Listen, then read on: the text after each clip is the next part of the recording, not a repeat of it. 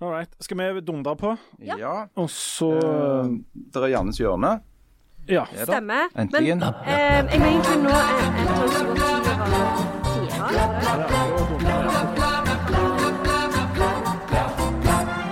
Stanley Birak er ferdig i Sandnes, og Kari Nessa Nordtun har reist til Oslo. Betyr det noe til eller fra, egentlig? Hva er egentlig høyrepolitikk? Betyr det noe hvor folk kommer fra når de er i politikken, eller litteraturen eller kulturen? Ellers må vi innom Israel og Palestina en liten tur. Og endelig Jon Fosse. Oi, oi, oi.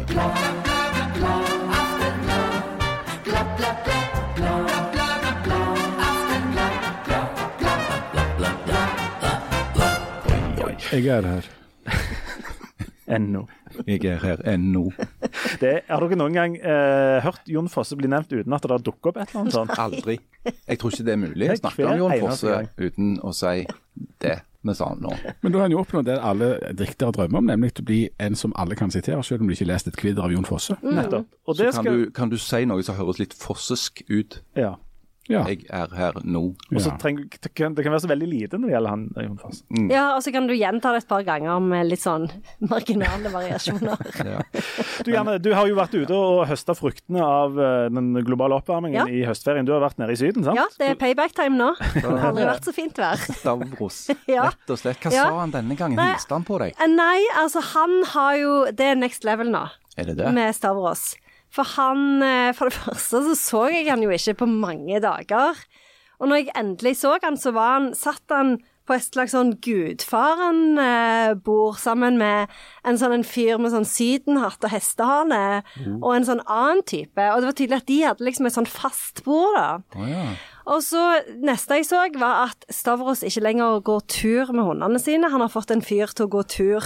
Han er der nå at han går ikke på tur med sine egne Han gjør ikke det nå. Nei, nei, det har han folk til å gjøre. Han har det. Og s- Hvor mange hunder er det snakk om? han har sort? to sånne, eh, sånne labrador-aktige Nei, ikke labrador. Sånne Lady Landstrykeren, eh, hva de heter? Cocker spaniel-aktig. Ja, Ja, Det er veldig stor forskjell på en labrador ja, det og en var ikke labrador. cocker spaniel. Cocker spaniel-aktige to eh, sånne eh, svarte cocker spaniel. nettopp. Sånne som nesten trør på sine egne øyne Ja. Nå sitter bare Stavros med et bord, og så kommer folk bort, og så kysser de ringen hans, Ja, og altså- så gjør han de tjenester, eller kanskje ikke. Nei, nemlig. Og, og jeg så flere ganger at han lo litt. Oi. Uh, sånn, sånn ond latter sånn. Ja, nei, litt, litt sånn uh, This is my territory-aktig latter. Det er den verste latteren. Det er faktisk det. Men Nå er det vel strengt hans territorium, da, hvis det er han som eier den plassen. Now he sleeps with the fishes. tull eller, ja. Nemlig. Ja. Og så når jeg endelig traff Stavros, da, og jeg, jeg syns jo eh, jeg var veldig Fikk du audiens, da? Er det, skjer etter Ja, når jeg søknad? skulle betale. Oh, ja, ok. Du møtte han ikke før du ga ham penger? Nei. Og så, når, og så når jeg traff han da, så kom det For det første så ble jeg veldig stressa, for han har kjøpt seg sånn, sånn vest. Ja, det må Som du nesten boblevest. ha Ja. når du skal være mafiasjef. Ja. Boblevest eller tweedvest? Nei, boblevest, og så hadde han veldig sånn intellektuelle briller. Så at det, han Jeg ble veldig stressa, så plutselig husker jeg på, og dette har vi snakket om før Husker dere det ene året når jeg traff Star Wars, og så ble jeg så stressa at jeg gjorde sånn namaste-tegn? Det stemmer det. Og da ble han jo synlig opprørt. Og det kom jeg plutselig på, for det hadde jeg fortrengt. Og da ble jeg så stressa at hele den samtalen bare Altså, jeg bare ser når Stavros ser på meg, hvordan mye han forakter meg. Det er liksom en sånn en grad av forakt. Jeg regner med at Stavros eh, forventer kontant oppgjør i, i, i euro. Nei, nei, nei, nei. Alt er veldig mye kvitteringer og og det det? Ja, ja, ja. Det er veldig lite gresk. Det, han, han, er, han er business. Han er liksom ja, men gresk skikkelig- business består jo i Men stor han- grad av å ikke betale skatt. Men han er ikke gresk business, han er business. Akkurat. Eh, og så hører jeg jo liksom, er det jo veldig gøy, for det er alltid på stranda, det er veldig mange briter der nede, og alle de britene konkurrerer i å vite mest om Stavros. For alle vil ha vært der flest ganger, så du, du hører liksom eh, litt sånn buzzing her og der om hva som er nytt. når jeg tenker meg om, så er det jo helt klart at han trenger jo noen sånne hvite inntekter òg. For det at hele greiene er jo åpenbart en front. Ja, og særlig Sånn nå. Særlig ja. nå, når det vi, er så skulle vi bare for nye lyttere fortalt hvem Stavros er? Eller skal vi bare hoppe over det? Stavros er eieren av det etablissementet som jeg besøker hver høst. Eh, og Stav, jeg liker Stavros veldig godt. Han liker ikke meg. Nei. Men han disponerer ei gresk øy. De andre engelskmennene på Eller det er ikke gresk øy, det er fastland. Ah, ja. Og de andre britene på, på stranda der, det er folk du diskuterer James Joyces eller Ulysses eller Ja, det er sånn uh. Yes, uh, I own a gallery in London and also in Milan. oh, ja, det er dere posh-folk, ja. Men, men når du var der i år, uh, kom de bort til deg og sa oh, so uh, this uh, John Fossey var det, var det mye snakk om Jon Fosse blant grekere og briter? Nei, det var ikke et eneste ord om John Fosse. Var det en- ikke noen som sa I am here, I am here now? Og det, ingen som sa 'endelig'. Nei, det var ikke et eneste ord. Så det var null det var interesse for Jon Fosse blant uh, denne boblevest, boblevestgrekerne der nede. Hvit økonomi, boblevestgrekerne bryr seg ikke om Jon Fosse.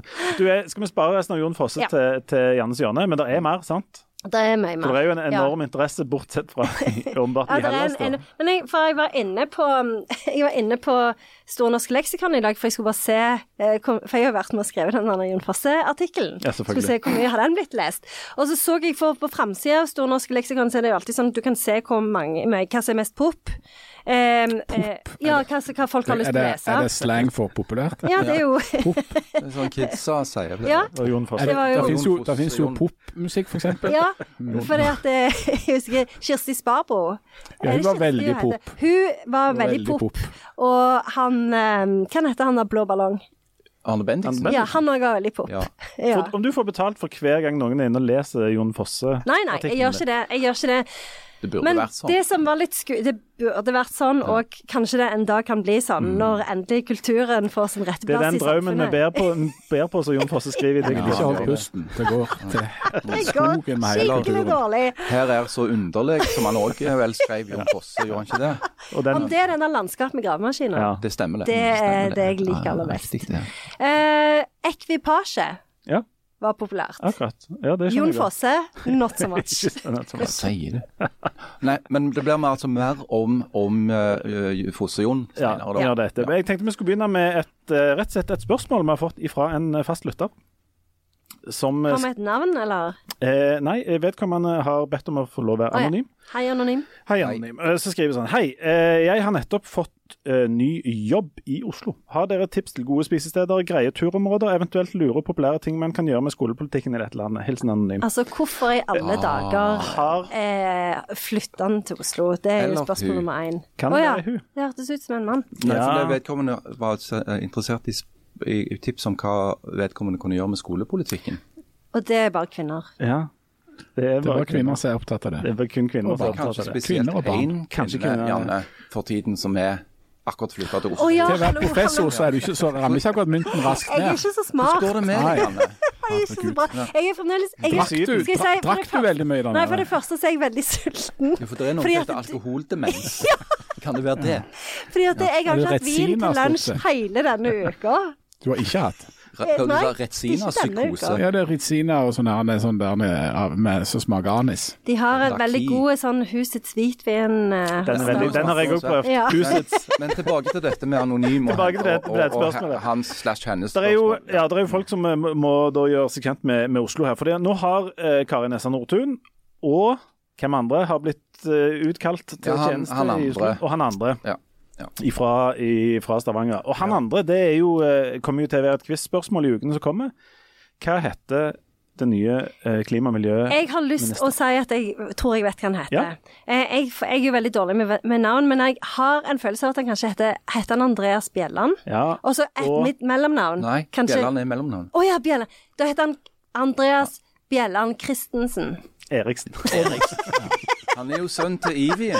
Ivar Eriksen. Hvem er det? Det er faren. Ja. Hvordan går det ikke med deg, Anne?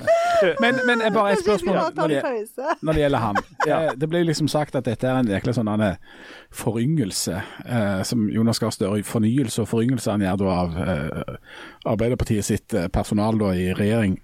Kan du egentlig snakke om det når det gjelder han der Andreas Bjelland Eriksen? Jeg vet at han på fødselsattesten der står det at han er 31 år, Ja. Ja. men hvis du s hører på når han snakker, så er han jo 61 år. Altså Han er jo så langt ifra Og det er både, i tillegg til at det er en fornærmelse, er det et kompliment. Ja.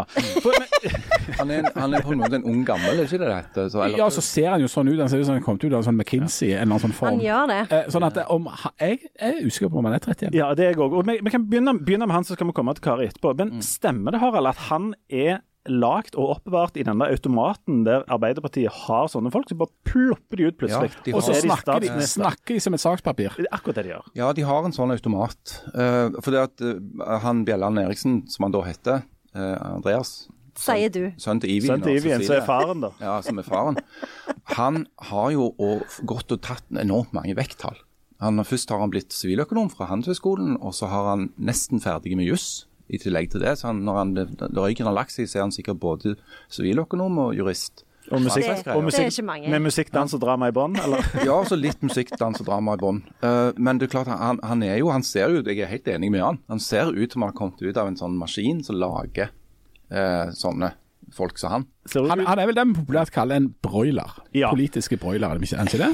Har han hatt en skikkelig jobb? Ja, ja, hvis en Ja, han har jobbet i NVE litt. Grann. Ja, og definisjonen på en broiler er vel en, en som aldri har vært noe annet enn politiker, og i tillegg er ganske ung, er det sånn? Ja.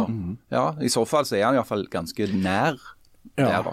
Men, har, men, men, men nå skal jeg si, for det var jo, jeg, jeg starter jo med å fornærme han. Ja. Eh, for det, det er jo en fornærmelse at du sier om en 31-åring at han høres ut som en 61-åring. Men samtidig så skal han ha det at han står ganske sånn fast og støtt og svarer godt for seg. Altså Han har slags kunnskap. Han er jo sånn som de har brukt å sende til Dagsnytt 18 når den er upopulært. Eh, og Han er ikke en sånn en som legger seg ned og logrer og sier sånne populære ting bare fordi at du har noe fra Bellona eller et eller annet eh, direktorat som står på sida vår emje om noe. Og det skal han ha. Det, er- det er et den kompliment jo- til noen som ja, ja, og Han ble jo 60. betrakta som et stort, uh, digert talent og en, en kommende stjerne. Uh, og han har jo de siste to åra delt tida si mellom eh, to frontavsnitt i regjeringen. Det ene er jo da Olje- og energidepartementet, og andre er statsministerens kontor. Så han har jo vært en betrodde medarbeider av Jonas Gahr Støre. Eh, og, og, så har han jo òg, i likhet med Kari Nessa Nordtun, så har han jo den stamtavla som du liksom skal ha hvis du skal komme riktig langt i eh, det kongelige norske Arbeiderpartiet. at du må være sønn til Ivien, eller så Du må være sønn til Ivien, eller så må du være datter til Tore, da. Eh, sant? Fordi at Faren til Kari Nessa Nordtun har sittet rundt 20 år på Stortinget for, for Arbeiderpartiet. Og, og mora til Andreas Bjelland Eriksen, Cecilie Bjelland, var Hun som er gift med Ivien, det. det er hun, kona til Ivin. Hun var jo ordførerkandidat for Ap i Stavanger, og hun satt i sentralstyret til Arbeiderpartiet i mange år. Så begge har jo den familiære stamtavlen i orden, da. Hvor norsk er det å hente en klima- og miljøminister fra Olje- og energidepartementet? Er det noe som, kunne, som skjer både titt og ofte overalt, eller er det noe av det norskeste som går an å gjøre? Det er like norsk som brunost og fredsprisen. Mm. Uh, at det å være klimaminister og uh, olje- og energiminister er noe du kan være eh, omtrent i løpet av den samme uka. Det rykte litt i, i noe, noen miljøføtter når dette eh, kom, eh, ble kjent, og litt sånn ha-ha-ha og sånt. Men Jan, er det nødvendigvis så dumt at en klima- og miljøminister har jobbet med på en måte, jeg holdt å si, årsaken til alt ondt? til Jeg tror tvert, jeg tror tvert imot at det er lurt. Hvorfor og igjen det? så vil jo sånn her med Greenpeace og, og, og World Wildlife Wildlife Fund og altså, Jeg vet ikke det heter World, World Beloners Funds og, Woke og Life Save, the, save the Planets og alt det greiene der. Walk like tree, tree hug fund. Three, three huggers, three, three. Det det de Alle de vil jo synes det er noe he- hekkans drit og kjempedårlig det, alt det greiene der, men, men det skal han ha at eh, at, eh, at han har da et, et realistisk utgangspunkt for politikk, eh, og han har et utgangspunkt for politikk som ligger ganske i midten, ikke blant aktivistene i en eller annen slags eh, krok. Og han ser sammenhenger, selv om han da når han snakker, så er det, det er jo kjedelig å høre på, det er det jo, men det er, men det er fornuftig. Han kommer ikke til å dra på klimatoppmøtet og lime seg fast Nei. til Anders Opedal. Nei, han, han, han er mer som en sånn svar du får fra ChatGPT. Han er sånn ChatGPT, og det er det som er det vakre og det kjedelige med, med politikk så, som på en måte skal være realistiske, da, at det er ganske kjedelig og godt, og at ting, alle ting henger sammen med alt. Det er jo ikke sånn at, at han kan gå ifra at, Eller uansett hvem det hadde vært, som satt der så sa at nå skal vi slutte med olje og gass i januar. det, det går bare ikke. Eh, og så, da, da er det fint at han sier det høyt. At vi kan ikke slutte med dette akkurat nå, men vi skal prøve å utvikle det i plassen for å avvikle det. Og, og så, men, det- men det blir ganske tydelig når han kommer rett ifra Olje- og energidepartementet. Så eh, det blir litt sånn gratis vitser til Nytt på Nytt og sånt. Men, men sånn i, for den, liksom, den reelle politikken så kan det ikke sikkert dette er så dumt. Det er jo befriende ærlig. ikke sant? Altså Det norske standpunktet her, det er jo eh, A. at klimaet er kjempeviktig og, og verdens viktigste sak. Og B, vi skal, vi, eh, nei, B, vi skal slutte med å selge olje og gass så snart det ikke lønner seg lenger. Ærlig. Ja. Hilsen Norge. Og, Hilsen da, Norge. og, og, og fram til da så får vi håpe at det blir ikke for varmt. Ja, Du kan, hvis det blir i Syden. i Hellas. Det blir sånn uhamslig varmt. Det er Ja. det som er problemet. Og uhamslig. hva heter mannen? Stavros. Nei, ikke han. Det er ikke- Den nye klimaministeren heter Stavros. Stavros er ikke sønnen til Ivien. Hva heter sønnen til Ivien?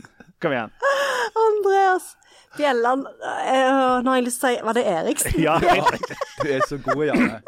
OK. Den som de eh, litt flere vil liksom eh, ha, ha navnet mer på, sånn på tunga, er jo Hva heter hun som vi fikk spørsmål om, som du ikke tok i starten? Eh, Hun heter i hvert fall Karin Ja. Nessa Nordtun. Ja, det er riktig. Hun er jo òg uh, hanket inn over fjellet etter eh, eh, at de i Oslo hadde mast mye på hun. Mm.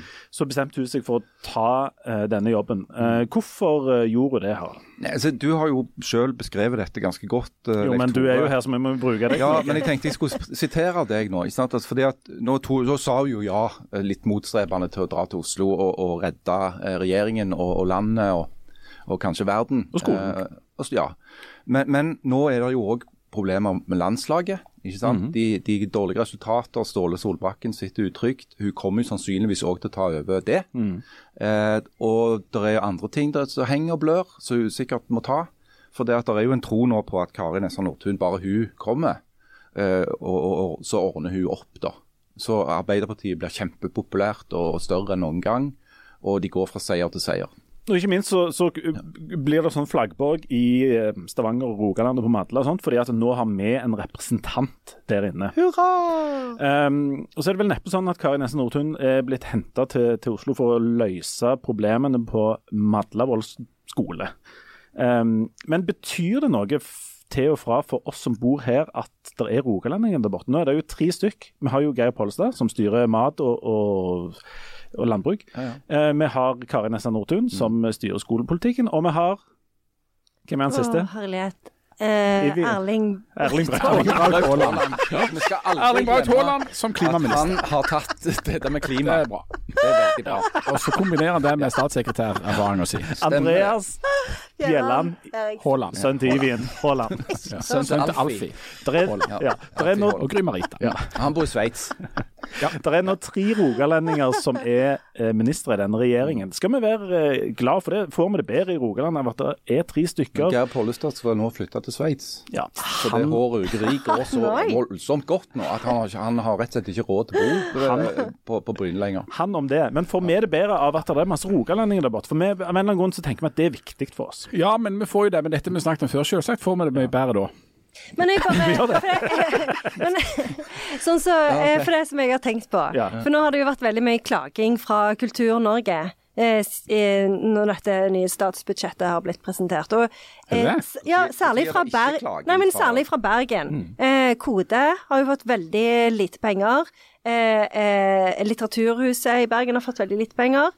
De sånn, Vi kan jo liksom bare le like så gjerne bare legge ned.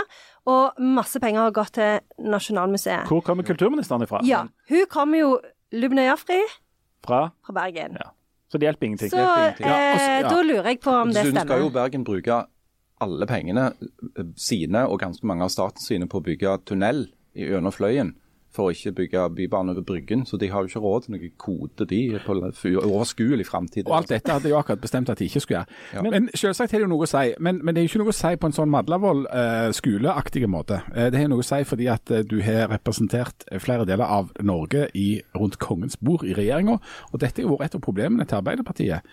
At eh, de har gjort det Altså, bakgrunnen for disse rokeringene er jo at, at, at Arbeiderpartiet har gjennomført et helt historisk elendig valg. De har blitt så små som de, som de ikke har vært på 99 år. Eh, altså, ikke, Norges største parti. Sånn at det er jo, eh, Bakgrunnen for dette er jo en krise og en, et kjempeproblem for Arbeiderpartiet. Og ikke minst er det et problem at de har mista altså alle storbyene, og at de har mista kysten. Der for øvrig, i parentes bemerket, verdiene ble skapt i dette landet. Og derfor eh, så, eh, så er der eh, og når det da ikke har vært en eneste person herifra i eh, regjeringsapparatet, f.eks. i Arbeiderpartiet, der, så er ikke det noen sånn god valgkampsak for Arbeiderpartiet rundt omkring på kysten. så Derfor så vil det være i seg selv en bra ting for Arbeiderpartiet, tror jeg analysen er, at de har folk fra disse plassene. Iallfall hvis de da kan få inn noen, sånn som Kari, da, som har hatt suksess i Stavanger. Det tror de jo på at skal hjelpe både sikkert i regjering, men òg i landet. Og Så spørs det jo da om det hjelper. For det er jo ikke sånn automatisk at fordi om du får inn noen fra Bergen eller Stavanger, så får de noe spesielt til, eller blir noe suksess, eller får til noe for akkurat den delen de selv kommer ifra. Marte Mjøs Persen går jo nå ut av regjeringa.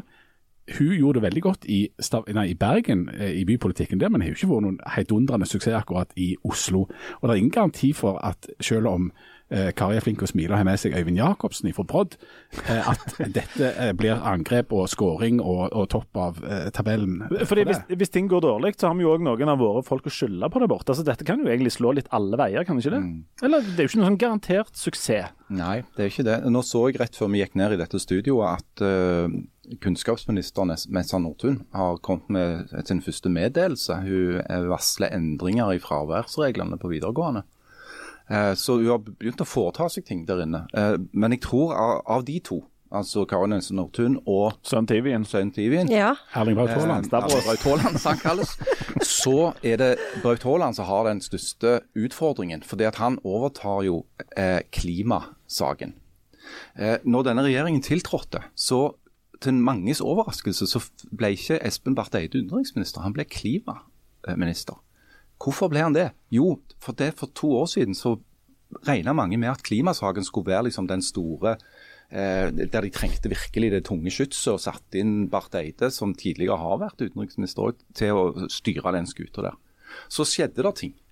Det viser at det, ble, det tunge skyts, ble brukt utenlands. ikke sant?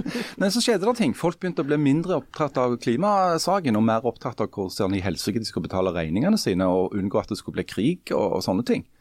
Eh, så da har, kan jeg tenke meg at Barth Eide har, har vurdert det dit hen at han vil dit han egentlig skulle, altså til utenriks. Og så fikk de jo et påskudd til å skyve ut Anniken Huitfeldt pga. disse aksjesakene til mannen hennes.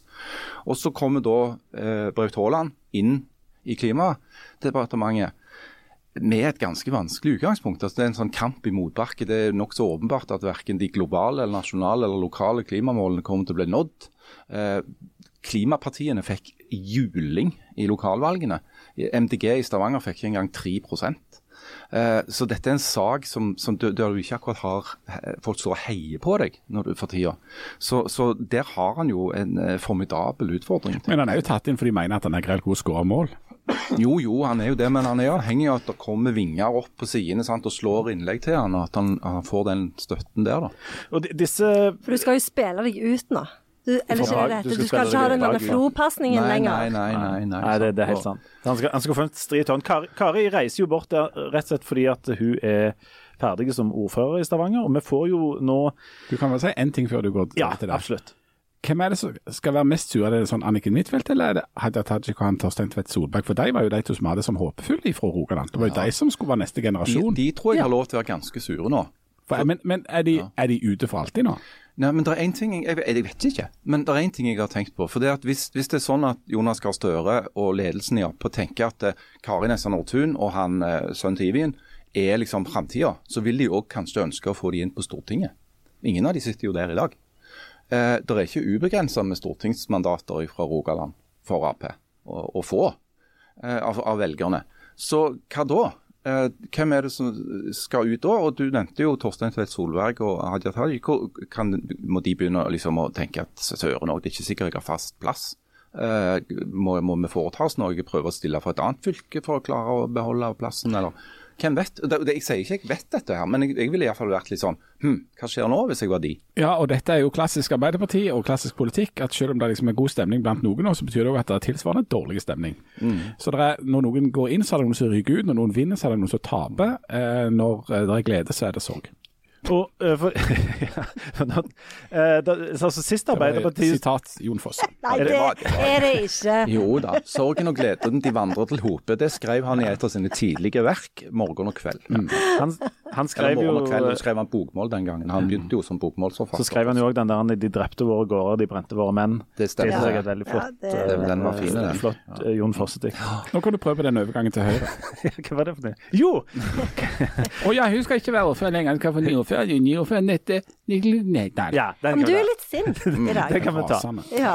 Ehm, Kari reiser jo til Oslo fordi at hun er ferdig her, og det betyr at vi får eh, høyrepolitikk i eh, Sandnes og Stavanger. Nå har jo begge disse eh, ja, for det er derfor. For jeg har lurt på det. Hvorfor hun det reiser? nei, det er derfor hun Altså, det er derfor vi får det, fordi hun Ja, har bestemt seg for å reise. Ja. OK, nå gir det litt mer mening. Det er sånn det Det, henger sammen. Ja. altså, I tillegg til det med hans sønn Tibien. Men nå har, nå har jo eh, de nye flertallet i både Sandnes og Stavanger ehm, lagt fram liksom det de har, vil gjøre. Ja. Um, og nå, nå vet vi liksom litt om dette. Tror du at Harald, at folk kommer til å legge merke til at disse politiske skiftene skjer i disse byene? Ja, det, det, blir, det blir enorme for- Ja. omveltninger nå. Altså, du og meg sto jo begge som tente lys oppe på Vålandspipa i morgengryet i dag og, og hørte på dette. Og det var jo en voldsom salve som kom. altså. Her blir det Ny giv. Her er det ny giv. Fordi at eh, altså, I løpet av de siste fire årene, når, når Stavanger har vært styrt eh, kommunistisk, eh, så har jo vært, Stavanger vært en såkalt nei-kommune. Eh, der i utgangspunktet så er ingenting lov, med mindre du har fått, spesifikt har fått lov av Kari til å gjøre det. Nå skal det bli andre boller. Nå skal det bli ja. En ja-kommune. Men når du bytter ut alle de partiene som styrte før, med alle de andre, så må jo det bety at det er en forskjell her. Og nå får vi, skal vi da få høyrepolitikk i Det er helt kommunene. forskjellig. Hva er, altså, hva er klassisk høyrepolitikk? Hva er det med folk bør forvente seg av de da? Ja, altså De avtroppene fikk jo ros for, og det mener jeg egentlig med god grunn, at de faktisk gjennomførte eh, politikk som eh, tilhørte den ideologiske sida. En klassisk dette vi snakket om en million ganger, men vi kan godt ta det igjen. Ta det, ja. En klassisk, en klassisk skillelinje mellom høyre- og venstresida er at venstresida vil kjøre universelle goder. altså Istedenfor å betale bussbilletten for de som ikke har så god råd, så får alle gratis buss. Eh, plassen for at eh, ja, altså at du, du, du gir noe til alle. Mens eh, høyresida vil si at det er meningsløst å gi gratis skolemat til alle når eh, 90% kan betale for skolematen selv. Så det hjelper vi heller de som har behov for det, altså mer behovsprøvd. At hvis du har, at vi, vi bruker heller pengene på de som har behov for hjelp, men de som klarer seg selv, får klare seg selv. Eh, det er en klassisk ting, og det var vel noe av det elementet de brakte inn i sin nye plattform. Mm. Bortsett fra at det eneste konkrete tiltaket som eh, er sånn målretta, viser seg da å være en universell ordning. Eh, fritidskort til alle barn. Ja, det er jo et, et eksempel. Men også er det jo sånne ting som at de fjerner eiendomsskatten, som er et sånn, en sånn skatt som Det er jo på en måte ganske universelt hvis de fjerner den for alle, ja. Men skulle de ikke gjøre noe med, Ja. med skolemat, de jo, skal de jo ikke ha gratis skolemat, for, men de skal Det ikke opp liksom til den enkelte rektor. Ja. Ja. Eh, og Der er det en annen forskjell. eh, at Høyresida vil eh, delegere mer ansvar til den enkelte, om det er kommune eller institusjon. Eller, altså, ha, Eller privatperson. Eller privatperson, sant? Eh, de sier vel at de vil ha altså, større mangfold i f.eks. innenfor skolepolitikken. Det skal bli interessant med Kari Nessa Nordtun. Eh, men, òg på en måte eldrepolitikken skal, det være, eh, skal alt være offentlig. Det vil være Avhengig av hvor langt ut på venstresiden du kommer, så vil en si at nei, det skal være offentlig drevet og mindre på en måte sånne private initiativ. Eh, mens høyresiden vil ha mer privat. Eh, så nå skal de prøve seg med å privatdrifte det nye sykehjemmet som skal bygges på Jåttå. Eh, de prøvde jo tidligere, i forrige periode, med, altså når det var borgerlig styre med var det Boganes. Eh, det gikk ikke. Men det kan jo være det går bra denne gangen. Og så skal de ha rullerende barnehageopptak, men det klarer ikke å plassere ideologisk Nei. noen plass. Nei, for det er en sånn tiltak som strengt tatt begge sidene kunne ha, ha innført. Det handler bare om hva du setter av penger til. Og så må vi jo nevne da Det var vel et venstreforslag, det, så da kan jo være hva som helst. Det er ikke er det sikkert begge deler. Ja, det er ikke sikkert de er det enige i det deler, og så er de i strid med seg sjøl. de er sterkt imot det, Ja. eh, egentlig. Ja. Altså, før, vi tar, før vi tar pausen, nå, så, så må vi også bare nevne at i Sandnes, der jo ting har vært opplest og vedtatt at Frp og Høyre skulle gå i sammen, der, eh, for de som eh, har fulgt med i de bruduljene opp gjennom, så anbefaler jeg å gå inn igjen på aften.no, for nå er det ikke helt sikkert at det blir sånn allikevel. du husker den der serien fra back in the day som heter Forviklinger? Ja. det, det, er sånn, det er sånn det er der. Er det sant? Ja, Det er helt sant. det er helt sant. Nå er det nye akter. Eh, Pål kan skje Borg- mer. Borgli skal bli varaordfører nå, eller kanskje Kanskje. Er det sant? Ja. Så det er bare, Der har dere noe å følge med på Aftenbladet. Der kan dere, og på den samme plassen så kan dere òg altså eh, nå eh, øye straks høre den podkasten som vi snakket om sist, nemlig om Tina Jørgen. Så jeg anbefaler alle å få med det òg. Gode greier. Og når vi kommer tilbake etter pausen, så skal vi åpne eh, Jans hjørne. Vi skal eh, kikke på et postkort, og vi skal en liten tur til Midtøsten. Hjertelig velkommen eh, tilbake. Vi har fått eh, et helt postkort, Jan. Ja, mer enn et helt postkort. Da Vi har fått et postkort med et pålimt brev på. Ja, så det er en slags sånn Det er noe nytt. Det er et postbrev. Postbrev. Men det er fra Bergen, og, og det er en, oi, oi, en slags Er det kritikk eller hyllest? Ja, altså, han, det, han hadde tenkt å skrive det som hyllest, eh, men det, ja. som han skriver Da kan du bare ja, drite i det. diverre, faktisk. ja, hadde sett fram til å skrive et hyllingsbrev til dere. Diverre må jeg la det ligge i denne omgang. Oi. Å ja, OK. Ja, og hva er det som er det kritikkverdige som er oppstått? Jo, det er rett og slett dette med at vi hadde seniorinfluenser eh, Hans Petter Hansen, Morten Hansen i studio for noen uker siden, eh, som drev og rakte ned på kumla. Og det, ja, på kumla som matrett. Og Ja, det for det mener, reagerte jeg òg på. ja, og det mener eh, Jeg husker ingenting av dette, innsenderen at rett og slett er han vil gå, nesten gå så langt å kalle det et endetidstegn. og det står her at jeg må lese Men jeg likte ikke Hans Morten eh, Nilsen Kumla. Nei, han likte ikke det, han Nilsen. Oh, ja. mener, altså, Innsenderen mener at dette eh, eh, i praksis viser at Hansen har gjort auslending av seg, og at vi må altså både Ta avstand. ta avstand fra og beklage offentlig denne Ja, av nedrakkinga det er jeg jo Kumla. for så vidt enig Jeg i. er da. også Ja. faktisk enig i. 100 Men Ja. da, skal vi, da gjør vi det. Ja. Ja. Vi tar kollektivt avstand fra Ja, det eh, Hans Petter Hansen sa Ja. i, i dette stevnet vi hadde for noen uker siden om kumler. Vi ville I ettertid ser vi at det ble feil å invitere Hans Petter Jørgensen. Jørgensen Ja. til dette stevnet. Eh, og eh, vi beklager for det Hans Inge Fagervik sa han sa. Ja. Mm. Da tror jeg at Benjamin Bjørnsen Anda, som omtaler seg selv som Rogaland, Rogaland i eksil, prest og fremdeles vår største geistlige fan, Ja. iallfall når det gjelder omkrins. ja. Han er sikkert veldig glad i Kumla. Ja. Du, du blir, du men blir jo her er det bare å legge seg flat. Ja. Ja. Vi må, Det- vi må Jeg skulle forresten, når vi er inne på det der med hilsninger og folk, så, så skulle jeg hilse. Eh, For det at når, I forbindelse med dette stevnet vi hadde på Vålandspiper, så var det en kar fra Vålandspipers venner som var så grei å invitere meg opp i selveste tårnet på Vålandstårnet. Alt du har opplevd i dag. Ja. Så der sto jeg og skuet utover. eh, Som han Tobias. som en annen Tobias, ja. Eh, jeg vil anbefale det sterkt til alle som har eh, muligheten til å skaffe seg adgang. Det er veldig vanskelig. Du må, du må kjenne noen. Og, ja, Du må kjenne han Du må egentlig kjenne han, ja. Ja. Så kan du få være med opp der. Er det Ivien? Det er faren. Det er far til Ivi. Sønn til Ivi. Er? Erling Braut, Erling Braut Ivi. Ja. Det, det er bare å lære seg navnet med en gang. Ja, men det er flott. Uh, da, tar vi, da tar vi nok et innspill i det vi går inn i Jannes hjørne. Forresten, vi fikk eh, veldig blanda reaksjon på at det lå litt rolig jazzmusikk bak Jannes hjørne. Noen syns det var fryktelig. Hadde ikke hatt det så vondt siden Jan snakket bergensk en hel episode, men jeg synes det var flott. Det var jo Vil du altså- ha jazzmusikk, eller vil du ikke ha Ja, jazzmusikk? altså dere improviserte jo veldig, og det er jo i jazzmusikkens ånd, Ja, det er det. så kan gjerne ha det. Okay, gjerne bitte litt. Ok, eh, Vi skal åpne Jannes hjørne med et spørsmål her. og Det, er, det handler om uh, Jon Fosse. Det er ifra uh, målmann Kristian Valen. Hei, Kristian Og igjen, det er ikke den Kristian Valen, men en annen. Han spør jeg lurer på om det kan hjelpe meg med å velge hva Jon Fosse-bok, bare én, jeg skal ha i bokhylla for bøker jeg har lyst til å lese, men ikke tar meg tid til. Han kan opplyse at han har allerede lest uh, Barks, Lund, Fløgstad, Drangsholt og Paulus. Han? Vi må først slå ned på at bok er jo hukjønn, ikke hankjønn. Ja, det, det jeg, ja. jeg, jeg tenkte jeg skulle la det gå, men jeg ser at eh, vi må, vi må ta det opp. Hvis du skal begynne med, med ei, eh, Ei. ei. Bare ei, Ei. ikke bare én bok. Ja, hvor eh, eh, Jeg har ikke hørt noe intro.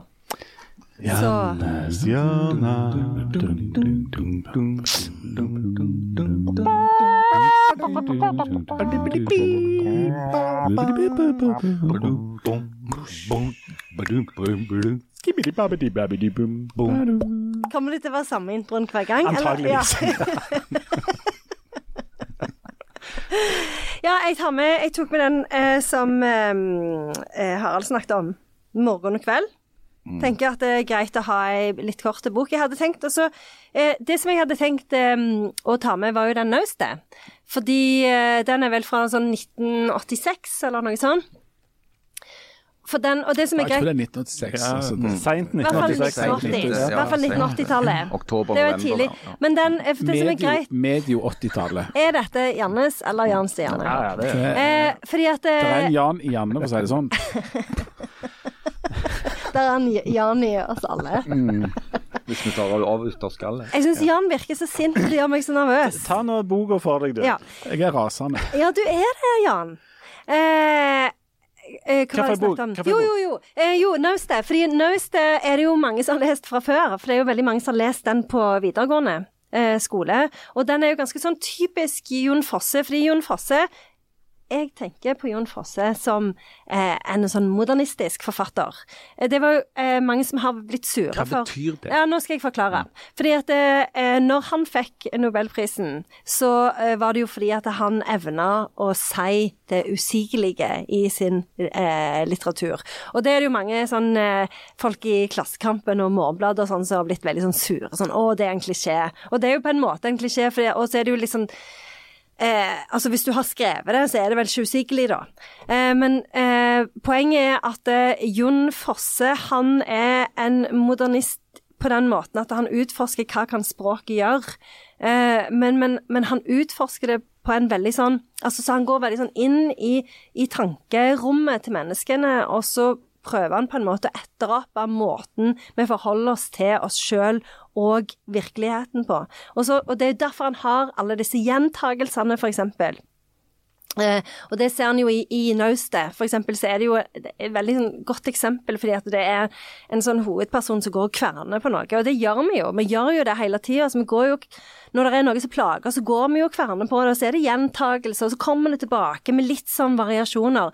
Så det er jo, det er jo enormt bra litteratur.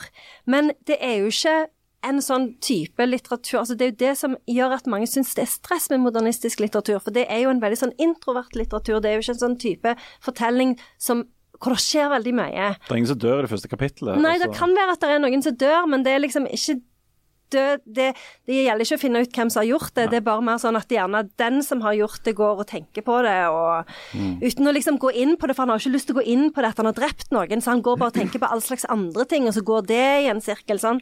Døden, hvor er din brodd for, sitter Jon Fosse. Ja. Mm, ja. Så, så, så eh, det eh, Ja, det er Jon Fosse i et nøtteskall. nøtteskall. Ja. eller det er jo naust, men, men, men det er jo litt lignende i morgen og kveld òg. Jon Fosse han er jo han er opptatt av fødsel, han er opptatt av død, og så er han opptatt av hvordan er dis, disse ikke-motsetninger. Altså han, han prøver liksom også Han prøver liksom vet, i et veldig sånn enkelt, gjentagende språk å sikte seg inn på liksom eksistensens kjerne, da. Og 'Morgen og kveld' er en veldig grei bok fordi den er ikke for lang. Den er eh, 116 sider. Med ganske stor skrift òg, Ja. som er bra i min alder. Helt enig.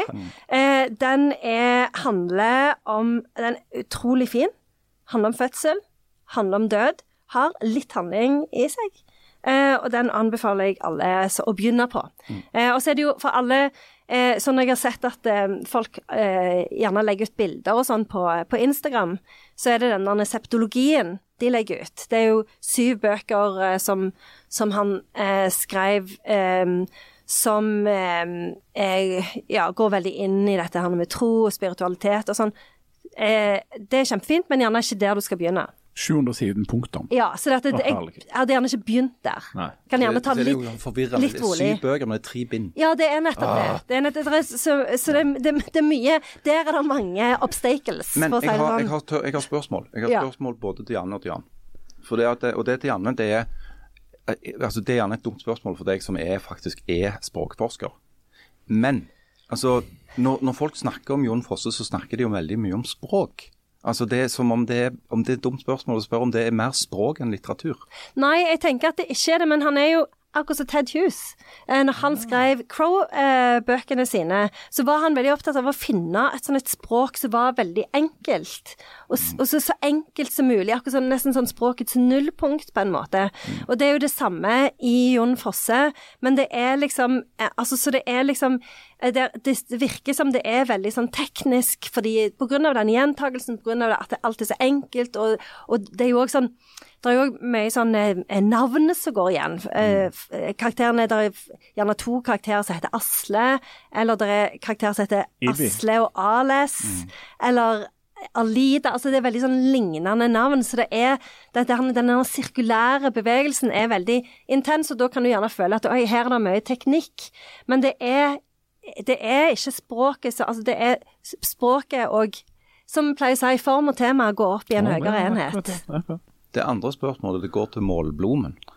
Jo, ja, altså, jo, altså Det er jo målblomen Jan. Jan Sahl. Fordi at mange, når denne prisen ble bekjentgjort, eh, av nynorskingene i mine feeder gikk jo helt av skaftet og sa hurra, hurra. Eller de sa ikke det, de sa enormt store ting om at nå har nynorsken fått en pris. Men jeg trodde ikke at nobelprisen i litteratur var en målformpris. Du visste ikke det, men Nei, jeg visste jo ikke det. ikke at det var, Nei, Det er nytt for deg, Det er ikke så mye du vet. Nei, det stemmer det. Nei, ja, jeg, jeg ehm, Altså, Jeg tror ikke det der i svenske akademien eller Amerika har lest eh, Jon Fosse på nynorsk, så er det sånn, så de vet jo ikke helt... Men de gjorde et nummer av det i begrunnelsen. Ja, de gjorde et nummer av begrunnelsen, og det var, og det var løye å lese, og, og, og, og stas for en som driver skriver på dette nynorsk, eh, om eh, altså New York Times sin, eh, sin, uh, sine tekster da, om at han skrev på nynorsk. altså The minority language. Ja, Minority New language. Norwegian. Nei, Det høres jo ut som det var nei, nei, de omtalte det ikke som New Norwegian. Oh, ja, ja. Minority language, nynorsk. Å ja, ja, for i, i uh, Guardian så skrev de New Norwegian, og det føltes litt som det var kanskje sånn tre stykk som forsto Ja, dette. nei, men i New York, New York Times der hadde de korrekt navn på det. Men poenget er, altså, altså eh, Jon Fosse gjorde jo et stort nummer ut av dette sjøl, at dette var en pris til nynorsken. Og som nynorskbruker så kjente jeg også et bitte lite brus i, i brystet akkurat på det. Fordi at det er da Når du snakket tidligere om hvorvidt det har noe å si hvor en politiker kommer fra som havner i regjering. Eh, og, og om plassen har noe å si for det sånn som du uttrykker deg, så vil jeg si at det gjelder i enorme grad for Jon Fosse sin del. Jon Fosse er en forfatter fra Vestlandet, ifra eh, fjorder og, og, og fjell og, eh, og klima og folkelynne og kultur, så representerer han vestlendingen i en slags ekstreme grad. Det Jon Fosse skriver, kunne ikke blitt skrevet av en østlending, rett og slett.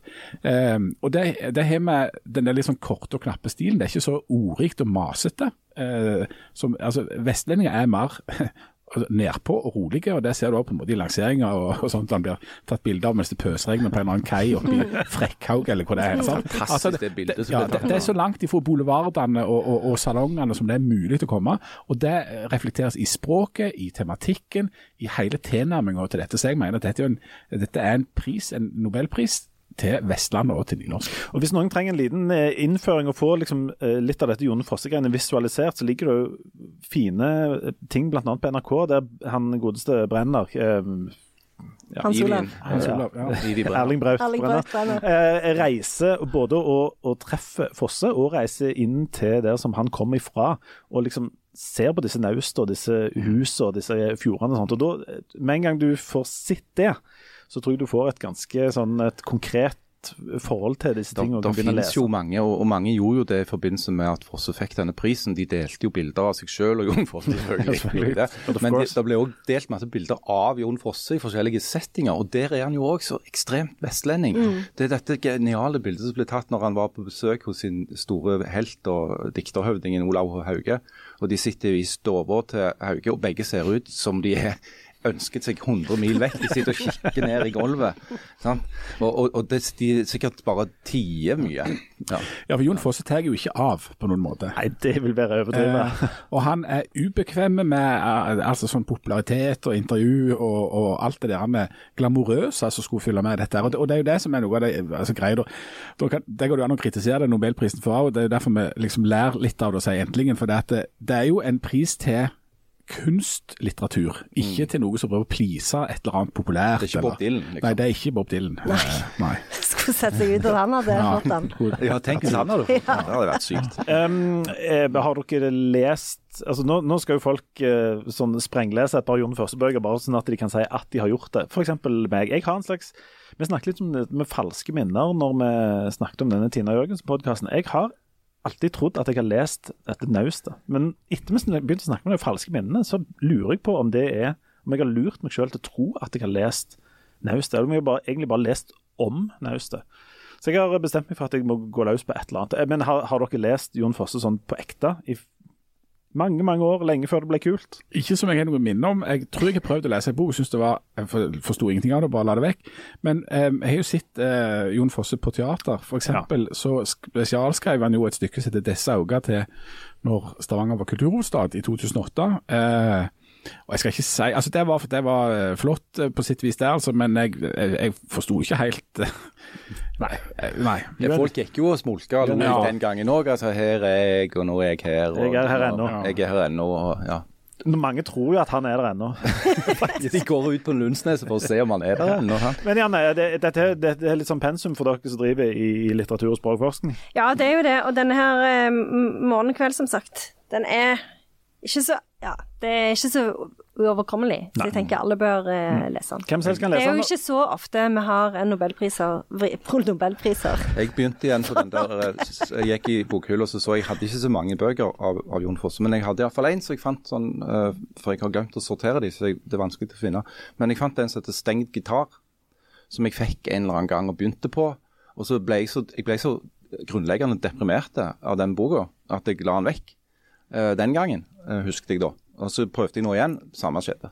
Jeg ble, det, det, det det, er, det, er vel, det er ikke særlig oppløftende, det greiene der. Nei, det er ikke Men det er knallbra tittel. 'Steng gitar'. Der har du en podkastserie Ja, ja. Du, først... om en forknytt gitarist. eller noe. annet. Og når vi snakker om ting som er, er eh, deprimerende vanskelig å forstå seg på, og, men som gjør seg i overskrifter eh, Vi må en liten tur innom eh, Israel og, og, og Gaza alt dette her før vi gir oss. Rett og slett fordi at vi, Det er jo en, den, liksom den store tingen som er kommet på bordet igjen nå. For halvannen uke siden er det vel, så eh, angrep jo soldater fra Hamas eh, Israel.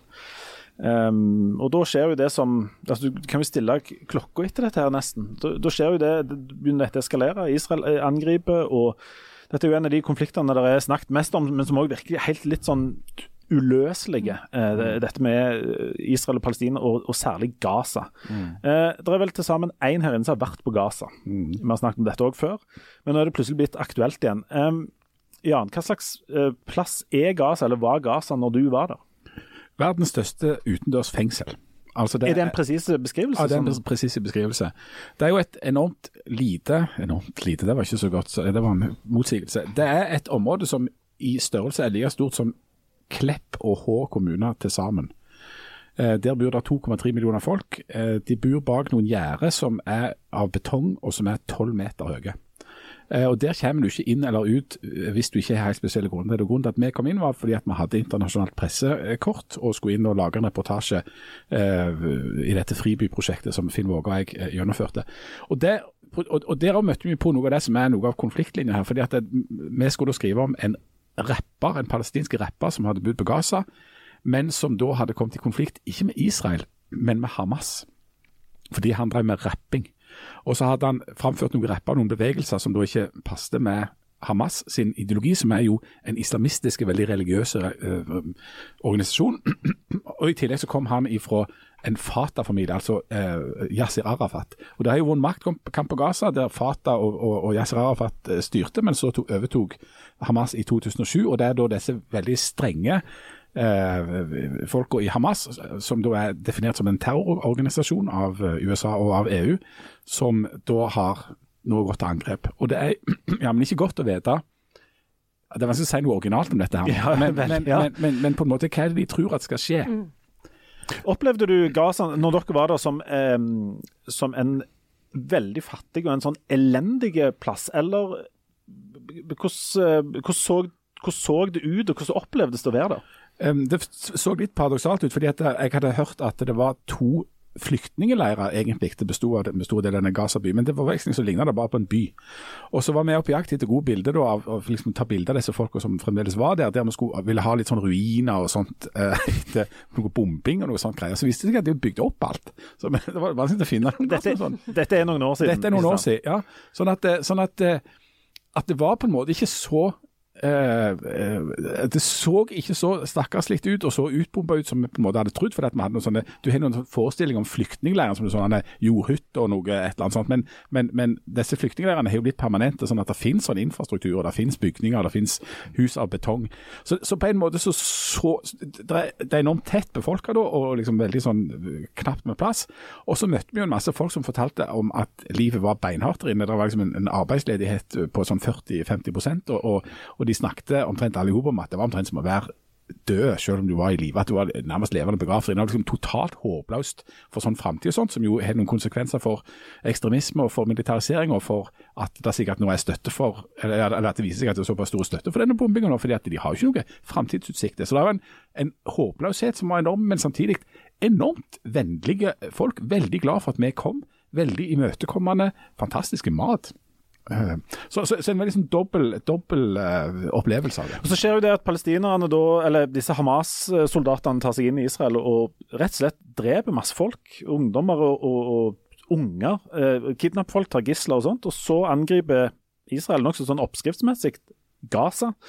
Nå så jeg siste dødstallet jeg så i Gaza var 3500 eller noe sånt. Eh, det, er enormt vanskelig å forholde seg til. fordi at det, det um, vi får ikke verifisert videoer, opplysninger og sånne ting. Enormt vanskelig. Liksom. Og I tillegg så er det jo sånn at veldig mange i, i Norge, eller i vår situasjon, da, har, får et slags behov for å hive sympatien sin i en eller annen pott her. Enten hos palestinerne eller hos israelerne.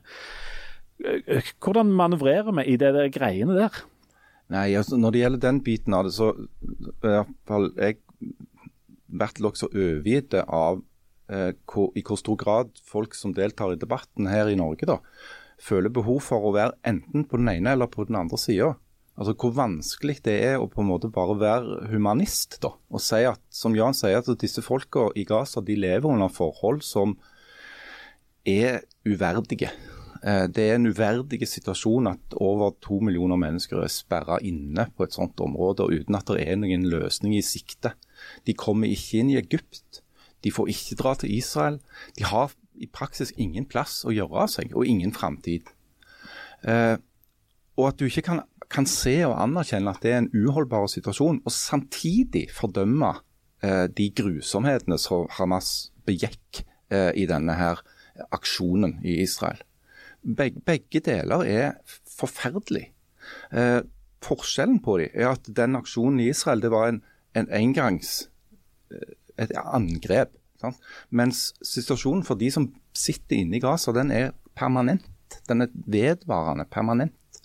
Uh, og det, altså det, er jo umulig å få verifisert de reelle dødstallene. Men, men, når vi sitter her, så er det jo to hendelser som har preget det siste døgnet i Gaza. Det ene er jo den bombingen av dette sykehuset. Hvor israelerne påstår at dette var en eh, Hamas-rakett som gikk feil vei mens Hamas selvfølgelig påstår at dette var en israelsk eh, rakett. Den andre hendelsen er jo at Joe Biden har landa i Israel eh, for å uttrykke sin og Amerikas sin støtte til eh, Israel. Og Dette ble jo lagt merke til i hele den arabiske verden. At i en situasjon som dette, så går den amerikanske støtten ubetinga til den ene parten i denne konflikten. Eh, og Det kan i sin eh, tur da føre til at det fredsarbeidet som USA har prøvd å få til, meklingen mellom Saudi-Arabia og Israel, eh, går i vasken. Noe som i sin tur har den konsekvensen at Iran gleder seg stort. For Saudi-Arabia er jo Iran hovedfiende i denne regionen. Sånn at alt henger sammen med alt i en sånn stor og nokså deprimerende suppe. Og Kjempelett for oss å forholde seg til. Gjerne har du noen sånn eh, følelse at du er nødt til å eh, publisere noe 'Pray for Israel' eller 'Free Palestine' eller noe sånt på noen sosiale medier for å liksom ta noen sånn standpunkt i dette? Nei, men det er jo fort gjort at en ender opp med å ta eh, et standpunkt. Men det er jo, det er jo klart at du, du, ser jo Det er jo sånn som Harald sier, at du ser jo der Lidelsene er så store på, på begge sider, men det er jo Um, det, det er jo, jeg syns det er skremmende å se en del sånne um, te tekster og, og, og, innlegg på sosiale medier, særlig fra USA. For der virker det jo som det, fronten er veldig sånn steile, uh, og at det, det, ganske fort at det, at det um, brukes ord som antisemittisme og, og, sånne ting. Det er jo helt umulig å Ja. Ja, og det, og det er jo det med altså, antisemittisme det er jo egentlig retta både mot jøder og muslimer, det. Mm. Eh, og det er en del sånn som gjør meg skremt. for det at En av forutsetningene for å kunne begå skikkelig alvorlige forbrytelser er det som kalles demhumanisering. At du ikke lenger betrakter motstanderen din som et menneske som har menneskelige egenskaper og menneskelige rettigheter. Eh, så når en betrakter hverandre som dyr, da, som en um, israelsk minister sa om, om, Hamas, så legitimerer det veldig fort uh, veldig mye vold. Uh, og det motsatt. Når, når, Hamas angriper uh, Israel, så angriper de ikke israelske soldater. De angriper ikke sionistiske settlere. De dreper folk fordi de er jøder. Ja, fordi at de har som utgangspunkt at de altså ikke anerkjenner Israels rett til å eksistere. Ja, det gjelder jo ikke jøders rett til å eksistere. Og det gjør det jo helt umulig å få til en forhandlingsløsning. For, ja, og Det er jo det, det, som gjør at du blir liksom så motløs. For mm. dette her har jo dette har foregått mer eller mindre permanent og kontinuerlig siden staten Israel ble oppretta i 1947. Har vi som eh, sitter i Norge, og liksom naboen vår og kollegaene våre vi treffer, sånn som uttaler seg eh, skråsikkert i den ene eller andre retningen, har vi noen som helst forutsetning for å si noe om både den konflikten som er enormt komplisert, og om hvordan det er å være enten palestiner i det store utendørs fengselet, eller israeler som lever under sånn konstant frykt for at det skal skje noe. Altså, Har vi, har vi liksom noe å hive i den potten i hele tatt, eller bør vi bare klabbe igjen? Jeg, jeg syns at vi har all rett til å uttale oss eh, som humanister. At du kan, du kan, reagere på det du ser, men jeg tror det er vanskelig for oss å sette seg inn i f.eks. den israelske mentaliteten, som jo har det verste bakteppet av, av ikke alt. Holocaust. Altså, og, og, og, drømmen om å få sitt eget land, drømmen om å kunne leve i sikkerhet og fred. Eh, å forstå hvordan det motiverer en del av de tingene som Israel foretar seg nå, tror jeg er vanskelig, eh, hvis du ikke selv har den erfaringen. Men så har du altså òg en motpart i den palestinske befolkningen som har opplevd å bli kasta ut av et land de bodde i, som er sperra inne der de er sperra inne, som opplever at de ikke har noen som ser de eller forstår de, som betrakter de som et problem som skal stues vekk bak disse murene som Jan beskriver, og skal bare være der til de eventuelt hva skjer, dør, eller blir altså, det, det, er en, det, er en, form for håpløshet som, som jeg tror det òg er vanskelig for oss i trygge Norge å forstå. Så, jeg skal bare si en ting til som går litt tilbake på det vi snakket om i stad. fordi jeg syns jo det er veldig interessant. sånn, så Hvis du ser liksom på det altså Den diskusjonen som du ser i, i, USA nå, så går det jo veldig sånn inn i en diskusjon som vi hadde i denne podkasten for en stund siden, når du snakket om den podkastserien, The Witch Trials. Eh, som jo tar for seg eh, klima for ytringsfrihet i dag, og liksom om du egentlig kan si det du mener om ting. Og, og jeg tenker at denne konflikten, konflikten, er jo et veldig godt eksempel på hvor farlig det føles å si det du kanskje mener, eller ta et standpunkt og ha liksom en ordentlig diskusjon om det. For dette er jo en ekstremt sånn betent og polariserte situasjoner, sånn som du sier, Harald, så er det jo en konflikt som går så enormt langt tilbake og har så enormt mange assosiasjoner ved seg. Eh, så, så, så, derfor så syns jeg at det, ja, sånn i, Hvis du ser særlig på den altså Jeg tenker at her er det kanskje litt mer sånn eh, lettere, men i USA så virker det jo som dette er bare en av de tingene som skaper enda mer eh, polarisering. I USA så går det jo inn i det generelle polariserte mm. klimaet hvor eh, du, du, må, du må alltid velge 100% side. altså Det er enten helt svart eller helt hvitt. Mm. For ganske mange år siden så var jeg på en, eh, med noen kompiser på rundreise, sånn backpackertur nede i Sør-Amerika. og Der møtte vi bl.a. ganske mange israelere. Israelerne har en ganske lang og hard eh, militærtjeneste. Eh, og så var det iallfall da tradisjon for at de reiste ut på sånn backpackertur etterpå. Reiste kanskje et år. De var ofte lette å få øye på. for de var liksom, ja, de, du, du, så jo de var ganske liksom, støyende egentlig. Da, Du merket godt at de var rundt omkring. Her er Israel på tur? Ja, her var Israel på tur, altså. Eh, um, men en gang så, så kom vi i snakk med noen av de, jeg tror det var faktisk i La Paz i Bolivia. Eh, og De hadde jo egne på en måte, sånn, det var egne sånne eh, overnattingsplasser eller hotell som var liksom veldig sånn at Der, der bodde liksom de. Eh, men vi kom i snakk med noen av de, og så endte vi opp med å sitte og diskutere politikk. da. Uh, og, og denne Israel- og Palestina-konflikten. Norge har jo tatt en rolle da du snakker om, om, hvorvidt vi kan gå inn i dette, men, men, noe av fordelen til Norge som et uvesentlig land helt i utkanten av verden, uh, som ikke har hatt liksom, så sterke aksjer i den ene eller den andre sida, har jo at vi har vært i stand til å kunne få til at en snakker sammen. da. Men disse israelerne var litt sånn halvskeptiske til, til det òg, på et vis. Og Så sa de at de, på, på, sin verdensomreise så hadde de bl.a. vært oppe i Norden, da, så de hadde vært der som vi bor. Og så hadde de sittet på en buss gjennom Sverige eller hva det var for noe. og så hadde, de, hadde det blitt noe oppstandelse på den bussen, da, fordi at det hadde vært snakk om noe på radioen.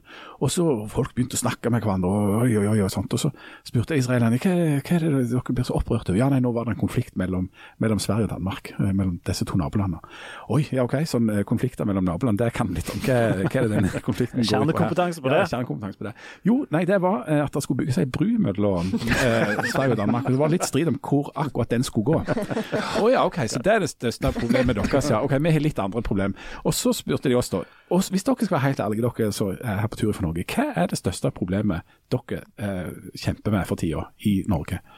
Og Da måtte, måtte vi sitte og tenke oss om. Jeg reiste bl.a. med en sosialøkonom som i dag, som, som senere har jobbet bl.a. for Jens Stoltenberg og i Finansdepartementet, som er ganske gode på, på sånt. Og da, etter litt kort rådslaging, så måtte vi tilstå at det største problemet i Norge var hvor, hvem skulle gjøre med alle disse pengene?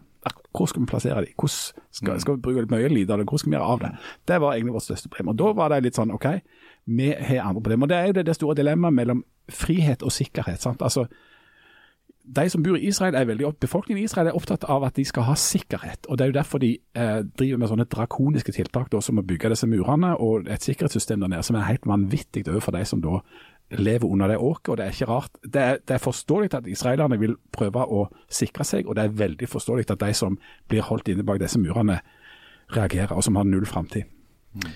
I Norge så er vi jo òg veldig opptatt av å stadig beskrive hvor stor Gazastripa er. Det, er en sånn egen norsk øvelse. Du nevnte at det var like stort som Klepp og H kommune. Klepp og H til sammen. Ja, Klepp og H til sammen. Ikke time. time. det sier meg ingenting. Det er Og det er akkurat sånn når du skal liksom forklare noe med altså, Ja, det er 100 000 fotballbaner. Som om det Ja, det skjønner jeg Eller så ingenting av. hørte jeg en som sa på, på Dagsrevyen at det var like stor som Mjøsa. Ja. Som om noen på våre kanter har et forhold til Mjøsa. Som om Mjøsa egentlig fins. Jeg tror ikke det fins. Gaza, Gaza er jo òg, eh, ifølge NRK her, det er litt mindre enn Oslo og Bergen, men òg litt større enn Trondheim. og det er like, Gaza by er like stor som Stavanger, men, ikke, men by Eller ikke kommunen. Ikke kommunen. Nei. Okay. Jeg har òg hørt det om, omtalt som sånn 116 000 fotballbaner. Men det er mindre enn Ombo. Det, Ja, det kan, der kan vi være enige. Mindre enn Ombo. Ja. Og så var det noen som skrev at jeg skulle forklare hvor stort er Gaza. Nei, Det, det tar like omtrent å komme seg fra nordsida til sørsida tar omtrent like lang tid som det tar å kjøre fra Kongsberg til Moss i luftlinje. OK. Hæ? Det ble jo veldig sånn eh, eh, akkurat, ja.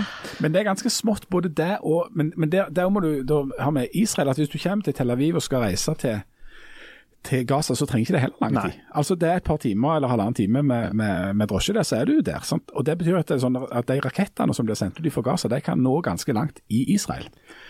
Og en konflikt som liksom påvirker langt, langt, langt langt, langt utover sine egne eh, grenser. Så um, Men det er jo ganske illustrerende. Det betyr, at, for at vi bør ikke hisse opp folk fra Bryne.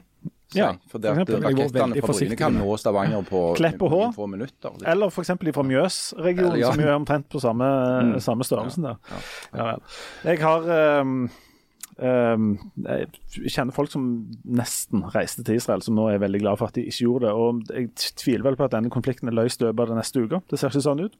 Og tenk på alle de som allerede har mista livet, og bakkeinvasjonen er ikke starta Ja. engang. Så det verste er, ligger nok eh, dessverre foran oss. Og med de eh, vakre, oppløftende ordene, så tror Endelig jeg, det hei nok der, Jan.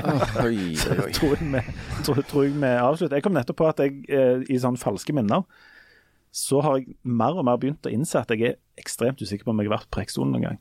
Jeg har et slags minne om at jeg har vært på Preikestolen, men jeg lurer på om det òg er et falskt minne. Så nå skal jeg gå hjem og prøve å finne ut, bevise for meg sjøl om jeg har vært på Preikestolen. Jeg har ikke vært der. Har du ikke vært på. Preikestolen?